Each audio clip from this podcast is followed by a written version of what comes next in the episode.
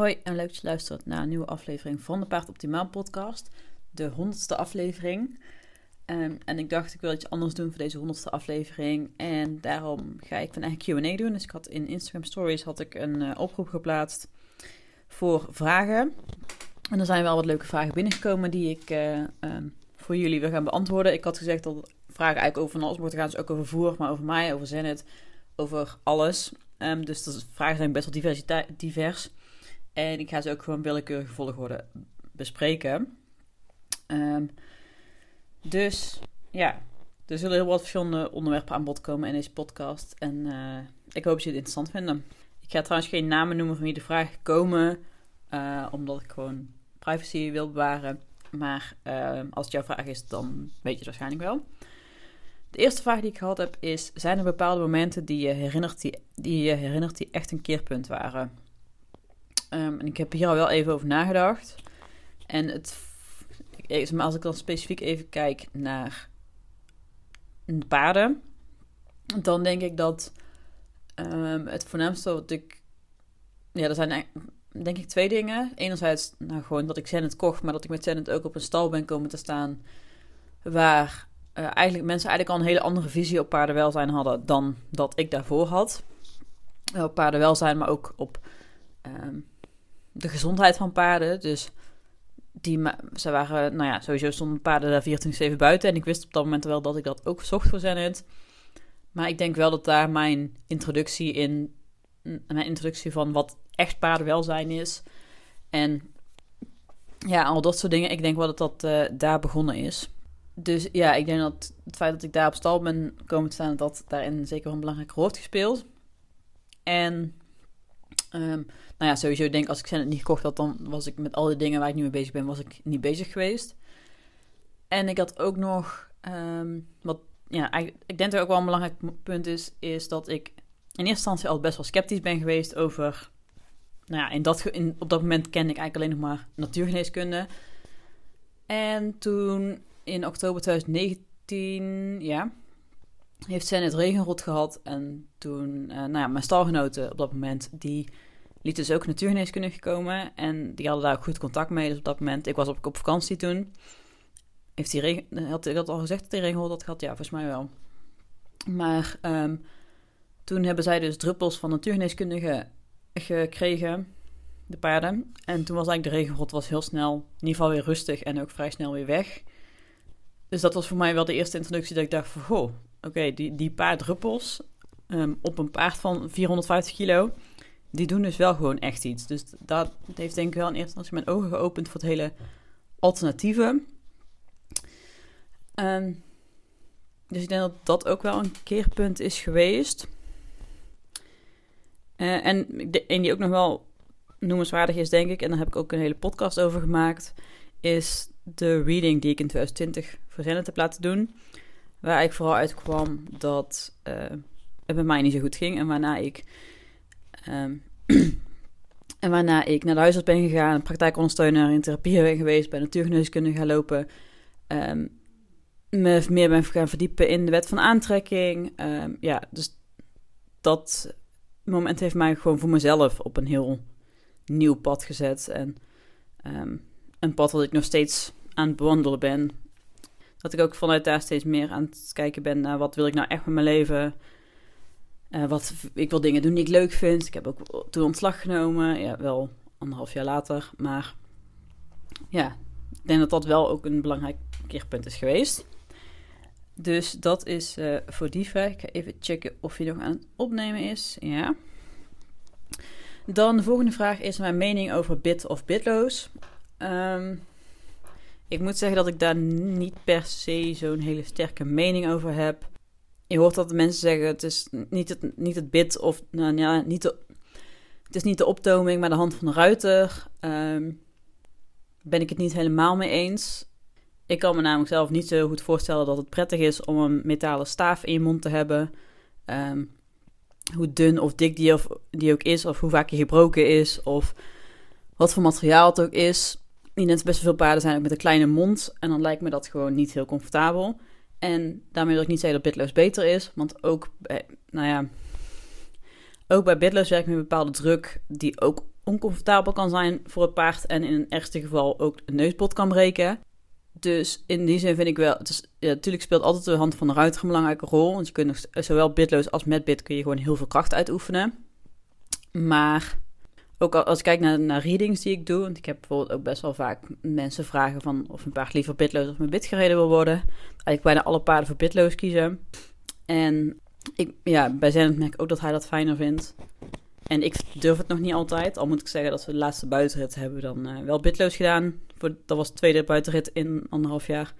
En dat deed hij eigenlijk super goed. Maar uh, ja, ik, moet, ik heb er geen hele duidelijke mening over. Um, wat voor mij in ieder geval heel belangrijk is, dat wat, wat je ook gebruikt, dat het goed past. Dat het materiaal ook fijn is, want ik heb ook het idee dat paarden vaak het materiaal niet fijn vinden. En dan bijvoorbeeld stug leer, maar ook een ijzeren bit bijvoorbeeld. Sommige paarden zullen de voorkeur geven aan kunststof. Of in ieder geval iets zachters, wat, wat gewoon wat minder hard is in de mond. Dus ik, ja, zelf probeer ik bij Zenit wel zoveel mogelijk voor bitloos te kiezen. Omdat ik gewoon het idee heb dat hij dat fijner vindt. Ik heb het hem ook gevraagd en dan vindt hij het ook fijner. Maar um, ja, ik, ik heb voordat ik een tijd stopte met rijden, heb ik met Zenit buiten ook altijd met bit gereden. Omdat dat voor mij gewoon het idee gaf dat ik meer controle had. Dus ik ben denk ik niet zo anti-bit als veel andere mensen. Maar ik, ja, het lijkt mij gewoon niet per se heel prettig om zo'n ijzeren staaf in je mond te hebben als paard. Dus dat is mijn mening daarover. Dan wilde ook iemand weten, um, iets over, weten over het wisselen van voer. Dus hoe je dat zo goed mogelijk doet en of de darmflora dat goed aan kan. Hier heb ik een hele podcast over gemaakt. Ik weet aan mijn hoofd niet welke dat is, welk nummer het is. Maar heet iets van help een paard lust en voer niet, geloof ik. En die stuur ik altijd mee in mijn adviezen als uh, ja, tip voor mensen om te luisteren. Als ze hun, het voer goed bij een paard willen introduceren. Uh, in ieder geval de tijd nemen en bij dingen als van de ene naar de andere balancer, waar je wat mij betreft sowieso best een stopweek tussen kan doen. Dat soort dingen zijn niet zo spannend.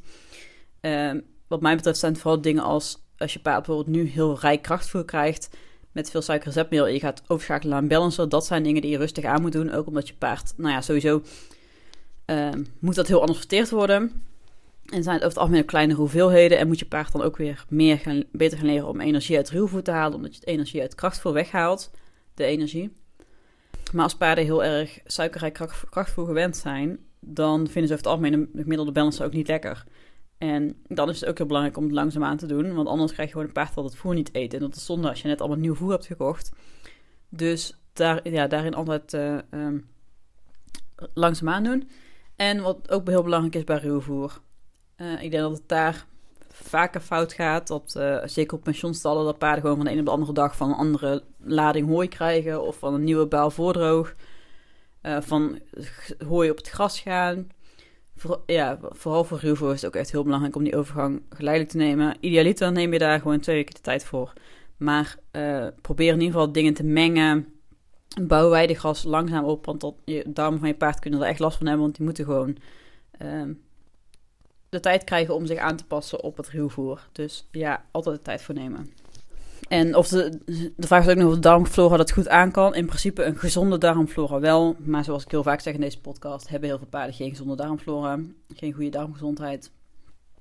Um, dus ja, een paard wat, wat gewoon een goede darmgezondheid heeft, zal hier beter mee om kunnen gaan dan een paard dat een slechte darmgezondheid heeft. Dan vroeg iemand of ik meer dieren heb na Senet. Helaas niet. Ik zou heel graag een kat willen, maar uh, mijn vriend krijg ik er nog niet in mee. Ik ben wel opgegroeid met katten. Uh, dus mijn ouders hebben drie katten.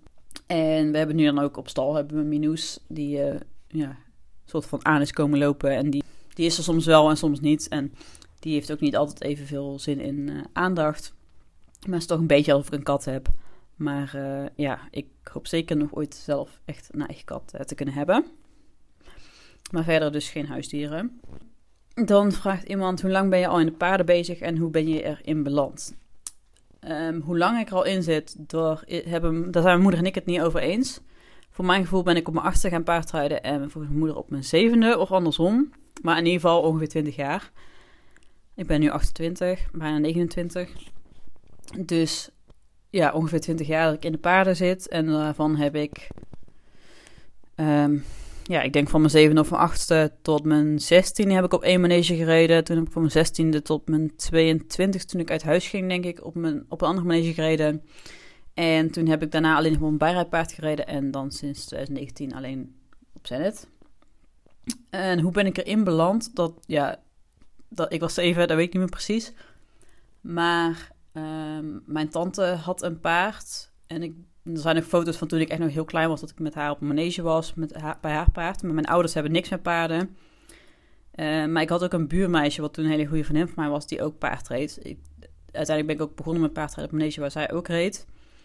Dus ik denk dat zij mij op de een of andere manier heeft aangestoken dat ik ook wilde gaan paardrijden. Um, ja, dus ik denk dat ik er zo in terecht ben gekomen. Dat ik zo op manege terecht ben gekomen. Um, dan vraagt iemand een hele beladen vraag. Hoe zie jij de toekomst? Ik weet niet of dit algemeen gezien is of specifiek mijn toekomst. Ik ga maar gewoon even uit van mijn toekomst. Want ik denk niet dat het een hele vrolijke podcast wordt als we het gaan hebben over dingen als klimaatverandering. Uh, dat ik nog maar misschien of ik ooit een huis kan kopen. Dat soort dingen. Daar uh, heb ik niet zo zin in om het daarover te gaan hebben. Maar uh, mijn toekomst, ja, nou ja, dat is, heb ik volgens mij ook wel besproken in de podcast met Madeleine. Dat ja, weet ik dus eigenlijk gewoon niet zo goed. Dat kan ik, ik weet het gewoon niet. Ik weet niet wat ik wil voor de toekomst op dit moment. Ik hoop dat het zich uh, gaat ontvouwen. Wat ik precies wil gaan doen. Ik um, ja, hoop in ieder geval dat zij dat nog zo lang mogelijk bij me kan blijven. Ik hoop dus dat ik in ieder geval een kat heb in de toekomst. En ja, verder weet ik het eigenlijk niet. Ik weet niet wat ik voor werk wil doen. Nou ja, laat ik zo zeggen, ik, denk, ik wil vast waarschijnlijk wel op de een of andere manier nog een eigen bedrijf hebben. Maar ik weet dus niet echt uh, waarin. Ja, dus eigenlijk kan ik hier gewoon niet echt antwoord op geven. Want dit is dus iets waar ik op dit moment ook heel erg mee struggle met hoe de toekomst eruit gaat zien. Um, dan vroeg iemand ook hoe het met mij gaat op dit moment. Um, wisselt per dag. Ik uh, kan er nu nog niet zoveel over delen, maar kan ik wel, maar daar wil, kies ik op dit moment niet voor. Um, zeker een maand geleden, drie, twee, drie weken geleden of zo, ging, voelde ik me gewoon mentaal gezien over het algemeen. Fysiek gaat, ja, ik kan niet zeggen dat het fysiek meestal goed gaat. Ik heb ook, ook een soort van chronisch last van mijn knieën en van mijn rug. Maar dat, ja, dat is niks nieuws. Maar het is vooral mentaal wat nog wel weer schommelen. En uh, een paar weken geleden ging het, ja, zat ik er echt mentaal doorheen. Dat ik bang was dat ik een beetje richting een burn-out ging. Ik ben afgelopen week bij de huisarts geweest daarvoor. Um, en op dit moment is, wisselt het per dag. De ene dag is een goede dag en de andere dag is een slechte dag. En ja, meer kan ik er uh, even niet van maken. Ik, in principe is deze maand... Uh, nu in december en zeker ook uh, vanaf aankomende maandag dat paard optimaal in principe gewoon een week dicht is. Dat uh, geeft me wel wat rust. En ook alle Black Friday aanvragen die gewoon een maand leeftijd hebben. Dus ik heb het nu wel even allemaal wat rustiger. Dat helpt wel. Maar um, ja, om daarin meteen even op voor te beduren. Deze persoon vroeg ook hoe het met Zenit gaat. En dat is op dit moment ook een beetje een ding. Hij, ja, hij is gewoon niet helemaal lekker. Ik denk dat er dat, dat of het natte hooi of dat hij gewoon wat gras van de kantjes maaien meespeelt. Um, hij is niet lekker. En waarschijnlijk, eh, nou, zijn verzorgster merkt het ook wel op nadat ik het zei. Maar waarschijnlijk, ik denk mijn stalgenoten niet per se iets aan gemerkt hebben. Maar ik ken mijn paard, ik weet hoe die is, ik weet hoe hij zich gedraagt, ik weet hoe hij zich niet hoort gedragen. Dus ik herken afwijkend gedrag gewoon bij hem. En ik heb ook wel, ik denk wel dat ik ook gewoon voel dat er iets aan de hand is. Ik heb wel altijd dat hij vanda zich vandaag beter voelde dan gisteren. Maar ik ben er nu. Ik heb de hele dag gewerkt, dus ik ben alleen na mijn werk uh, een uurtje geweest. Um, maar ja. Daar kan ik eigenlijk ook niet goed antwoord op geven. Hij uh, had gisteren was, hij, had, hij, was zijn temperatuur ook echt wel wat te laag. En dat was vandaag gelukkig wel weer goed. En had eergisteren ook best wel slechte mest. En dat was gisteren in ieder geval weer beter. Dus ik heb ook uh, op mijn werk vandaag nog wat uh, homeopathische druppels van puur voor hem meegenomen. Om te in de hoop dat dat hem gaat helpen. En verder ondersteun ik hem dan met ja, een healing, handoplegging. En ik mijn best om hem zo comfortabel te maken. Hij staat ook onder een warme deken. Heeft natuurlijk onbeperkt ruwvoer. Maar ja, dat, hoe het met Zenit gaat, heeft ook gewoon best wel veel invloed op hoe ik me mentaal voel. Um, dan de volgende vraag is: hoe heb ik alle kennis die ik over voer heb geleerd? Uh, met name cursussen. Ik vind dat altijd. Ik heb in principe heb ik trouwens op mijn site heb ik alles staan wat ik qua opleiding gedaan heb. Dus dat kun je ook op mijn site terugvinden, precies. Um, ik, ik heb eigenlijk alleen maar cursussen gedaan en dat. Ik ben er over het algemeen niet zo heel open over, omdat mensen snel denken van, oh, je hebt alleen maar een cursus gedaan. Maar um, er zijn in Nederland wel opleidingen over voeding. En dan is bijvoorbeeld bij Blauwe Hengst, die heb ik niet gedaan, maar dat is wel gewoon een goede. Maar er zijn ook gewoon opleidingen die echt heel traditioneel zijn. Die dan, dat is dan een opleiding over paardenvoeding. Maar um, ja, wat mij betreft zou zo'n opleiding echt totaal geen toegevoegde waarde hebben. En Blauwe Hengst kan ik op dit moment nog niet betalen. En ik zit zeker nu ook in een situatie dat ik niet weet in hoeverre dit echt mijn toekomst gaat zijn. Dus dat zijn nu, ja, echt opleidingen zijn niet echt iets waar ik nu geld in investeer. Maar um, ik heb, een cursus, ik heb meerdere cursussen bij Dr. Christina Frits gedaan. Dus dat is een Duitse biologe die heel veel over paardenvoeding weet. Um, ik, vol, ik heb de cursus bij uh, Tessa Peters van Horst en Viel gedaan. Ik zit ook in haar, in haar uh, Facebook community. Waar we maandelijks QA's hebben en uh, lezingen. Ik heb um, fase 1 en 2 van Horse Complete gedaan. En ja, ik denk dat dat qua, oh, ik heb ook nog themadagen van de Blauwe Hengst gedaan. Ik denk dat qua voeding wel het meeste is. Dan ja, ik pak nog dingen over hoeven mee en over bodywork en opleiding Equine Healing Practitioner. Dus ik probeer overal gewoon wat dingen mee te pakken die, die ik kan inzetten om paarden te helpen. Dus dat eigenlijk. Nou, er vroeg nog iemand hoe het met Zenit gaat na de verhuizing. Nou ja, ik heb net een beetje uitgelegd hoe het nu met hem gaat. Maar sinds de verhuizing is hij echt wel uh, al een heel stuk opgeknapt. Hij heeft sindsdien ook twee keer lymfedrainage gehad. Hij heeft vitamine C gesupleerd gehad.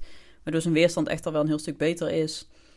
Ik heb het idee dat hij ook aan het aankomen is. Maar uh, ja, de ene dag denk ik, ja, hij komt wel aan. De andere dag denk ik van niet.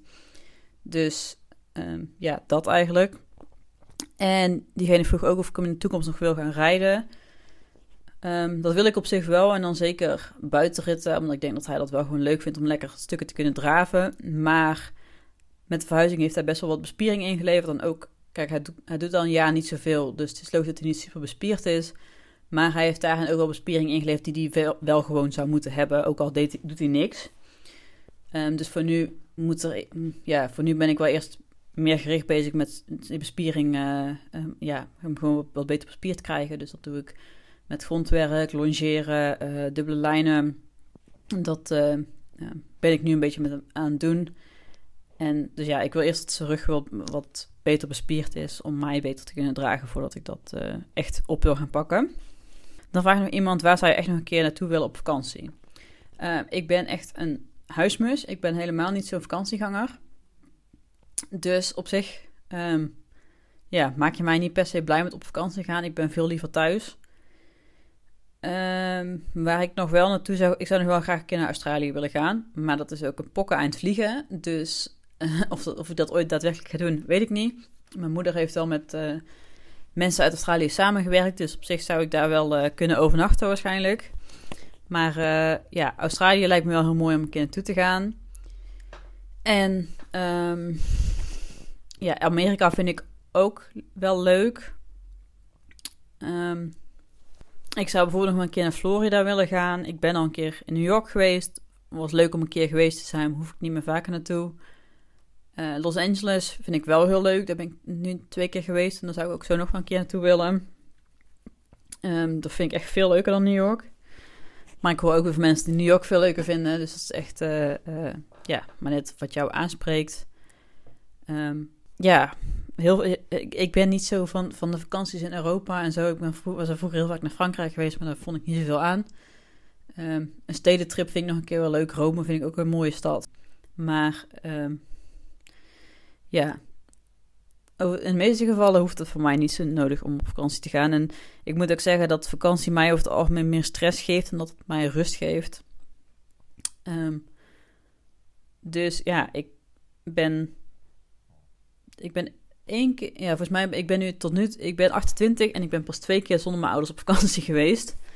Van één keer met uh, een van mijn beste vriendinnen naar Los Angeles en één keer met mijn vriend naar uh, uh, Engeland. En verder gaan we nooit op vakantie. Dus dat qua vakantie. En dan vraagt iemand, wat vind je van peesbeschermers met van die luchtgaten? Nou weet ik niet specifiek welke luchtgaten je bedoelt. Tot er gewoon gaten in zitten. Maar uh, over het algemeen ben ik geen voorstander van beenbescherming in welke vorm dan ook. Met de uitzondering van dingen als springen of crossen, waar de kans gewoon groter is dat de benen daarbij beschadigd raken, kun je afvragen of je het überhaupt wel moet doen. Maar dat is een andere discussie. Dus in zulke gevallen, als je daarvoor kiest, dan absoluut wel beschermen. Maar uh, in de meeste gevallen, als een paard gewoon goed beweegt door zijn lijf, wat natuurlijk ook heel veel paarden niet doen, een paard wat goed door het lichaam beweegt, wat geen ijzers heeft, die zou geen beenbescherming nodig moeten hebben, want die hoort zichzelf niet aan te tikken. Het is helemaal niet functioneel voor een paard om zichzelf aan te tikken. Dat zou ze in de wild nooit doen. Um, dus als een paard zich aantikt, dan wijst het toch wel op een verstoord bewegingspatroon. En dat kan tijdelijk nodig zijn, omdat je paard bijvoorbeeld nog sterker aan het maken bent, waardoor ze uiteindelijk wel beter, beter, uh, uh, beter gaan bewegen. Maar um, ja, wat mij betreft zou het niet nodig moeten zijn. En als je paard zich echt aantikt, doe ze dan aan, maar ga wel ook onderzoeken waarom dat zo is. En kijken of je daar iets aan kan doen. En ja, ik heb liever dat je peesbeschermers met luchtgaten gebruikt dan dat je bandages of echt helemaal dichte peesbeschermers gebruikt. Maar uh, doe het echt alleen als het echt nodig is. En ga niet de peesbeschermers onnodig opwarmen. En ik weet ook niet precies wat je bedoelt met luchtgaten. Ik weet dat we ook peesbeschermers hebben. Ik weet dat er ook peesbeschermers zijn die echt gewoon alleen een en al gat zijn, zeg maar. Dus die gewoon zwart plastic met allemaal gaten erin. Dan denk ik, ja, dit, biedt toch geen bescherming. Dus dan denk ik, van, ja, dan kun je het net zo goed niet gebruiken als, als het dusdanig um, weinig bescherming geeft dat je er eigenlijk niks aan hebt. Dus dat vind ik daarvan. Um, iemand vraagt wat vind ik van mennen. Ja, daar heb ik eigenlijk niet echt een mening over. ik, ik heb het nooit gedaan. Ik, uh, ja, voornaamst wat ik, ik, ik, ik volg uh, Feline, Hooy op uh, YouTube en in haar video's zie ik wat een en ander van mennen voorbij komen. Uh, en daar leer ik, leer ik nog dingen van, omdat ik gewoon zo weinig over mennen weet ik, ja, ik heb geen mening over mannen. um, het lijkt me best leuk om te doen. Um, nou ja, Zen heeft op de baan, op de drafbaan voor de sulke gelopen. Dus op zich zou hij het waarschijnlijk wel kunnen, maar um, ik durf hem niet zelf voor de kar te beleren, omdat ik er ook zelf totaal geen uh, ervaring mee heb. En met een draver dus wel nog wat anders kan zijn, omdat die gewend zijn om hard te gaan voor de kar. En dat wil je in principe als je buiten gaat rijden met een, als je buiten gaat mennen, wil je dat natuurlijk niet. Maar ja, ik heb er gewoon geen, niet echt ervaring mee, dus ik kan, ja, ik vind niet dat ik daar echt iets over kan vinden. Um, dan nog een vraag, wat is amylase? Dat heb ik vast wel eens in een podcast genoemd, dat de vraag daar vandaan komt. Amylase is een enzym wat verantwoordelijk is in de dunne darm voor de vertering van zetmeel. Waar paarden niet zoveel van aanmaken en daardoor kunnen paarden ook niet veel zetmeel verteren. Dan vraagt iemand, welke verschillende voeren voer je Zenit en tussen welke balancers wissel je? Uh, qua balancers wissel ik tussen uh, vetkuur Vivet, Okapi Mineraal Pure P en een van de Metazoa Fit Right Brox. Uh, het zijn niet de Fit Right Brox, de gewoon Fit Right. Dus meestal de Espacetta of Timothy variant, meestal Espacetta. Um, maar ja, ik meet gewoon iedere keer uit wat hij dan nodig heeft en het is eigenlijk altijd een van die. Op dit moment krijgt hij Metazoa Fit Right Espacetta. En wat hij daarnaast op dit moment krijgt, want je vraagt welke verschillende voeren. Ja, ik meet hem dus gewoon iedere paar maanden uit. Dus hij krijgt iedere paar maanden iets anders. Maar op dit moment krijgt hij Equifit Super. Omdat hij aan moet komen. Um, en als mijn verzorgster omvoert, want ik maak soepa maak ik thuis klaar omdat het met warm water het beste kan. Uh, als mijn verzorgster omvoert, krijgt hij eigen op Zwiessekops. Dan krijgt hij dus die balancer erbij. Hij krijgt glucosamine en MSM voor zijn gewrichten, voor zijn artrose. En dat, ook dat zijn dingen die ik dan voor hem uitmeet. Hij krijgt aminocomplex van Horseflex. En uh, die glucosamine MSM is ook van Horseflex. Omdat hij gewoon nog, ja, wat ik al zei, qua bespiering is hij best wel ingevallen. Dus hij krijgt nu uh, flink wat eiwitten binnen. En ik moet dus ook voor, spieren, voor meer bespiering moeten trainen. Maar wat ik al zei, hij mist nu dus ook bespiering die hij eigenlijk ook zonder training zou moeten hebben. Dus ik hoop dat ik dat met, uh, wel met eiwit, als hij gewoon genoeg binnenkrijgt, dat wel op, kan verbeteren. Um, ik gooi vaak ook nog wel iets van kruiden erin. Ik heb heel veel kruiden in mijn kast staan. En ja, toch een beetje op gevoel dat ik iets bij gooi. We zijn af, af aan het bouwen met vitamine C. En dat is het, denk ik. Ja. En dan krijgt hij, ben ik vandaag nog begonnen met eh, druppels van puur. Met, uh, ja, sowieso ook voor zijn artrose, want die waren op. En um, voor zijn darmen. Dus dat is wat hij nu krijgt. Um, en dan de laatste vraag was: wat vind je van Duits kruidenhooi met rond de 9% suiker? Zou je dat zelf voeren? Uh, aan Janet zou ik dat wel durven voeren. In principe uh, ja, wil je onder 10% blijven. Aan Zenit zou, zou ik het durven voeren, omdat hij best wel goed tegen suiker kan. Het is een volbloed, ja, een draver volbloed. Die kunnen er over het algemeen makkelijker tegen dan de gemiddelde koudbloed. Ik zou het dus ook niet per se aan onze groep voeren, omdat ik denk dat Mozes daar niet zo goed op zou doen. Maar ja, 9% is op zich prima. En ik vind Duits kruidenhooi ook een mooi iets, omdat het wel heel gevarieerd is. En je op die manier natuurlijk wel in de dagelijkse voeding al best wel wat variatie in kan, aan kan brengen. Dus in die zin vind ik het zeker goed. En 9%, ja, kijk, als je paard echt gevoelig is voor suiker, als je paard insulineresistent is, um, gevoelig is voor vervangenheid, dat soort dingen, dan zou ik 9% suiker te veel vinden. Dan zou je idealiter liever onder de 6 of 7% zitten, maar dat is ook echt heel moeilijk te vinden. Dus ja, ik, ik zou het aan Zenit in ieder geval voeren. Maar als je paard echt heel gevoelig is, zou ik, dat, uh, zou ik toch kijken naar, suik, naar hooi met minder suiker. Maar dat is lastig te vinden. Uh, ja, dat is de vragen die ik gehad heb voor deze podcast. En dan uh, wil ik je bedanken voor het insturen van jullie vragen. Ik hoop dat ik zo een beetje fatsoenlijk antwoord heb gegeven. En dan uh, ga ik deze podcast nu snel editen, want hij moet morgenochtend online. Ik moet eigenlijk over een half uur naar bed. En de podcast duurt al een half uur, dus ga ik niet redden. Want mijn wekker gaat morgen gewoon weer om 6 uur om te gaan werken. Dus ik ga snel deze podcast editen, inplannen en dan ga ik naar bed. Bedankt voor het luisteren en graag tot de volgende keer.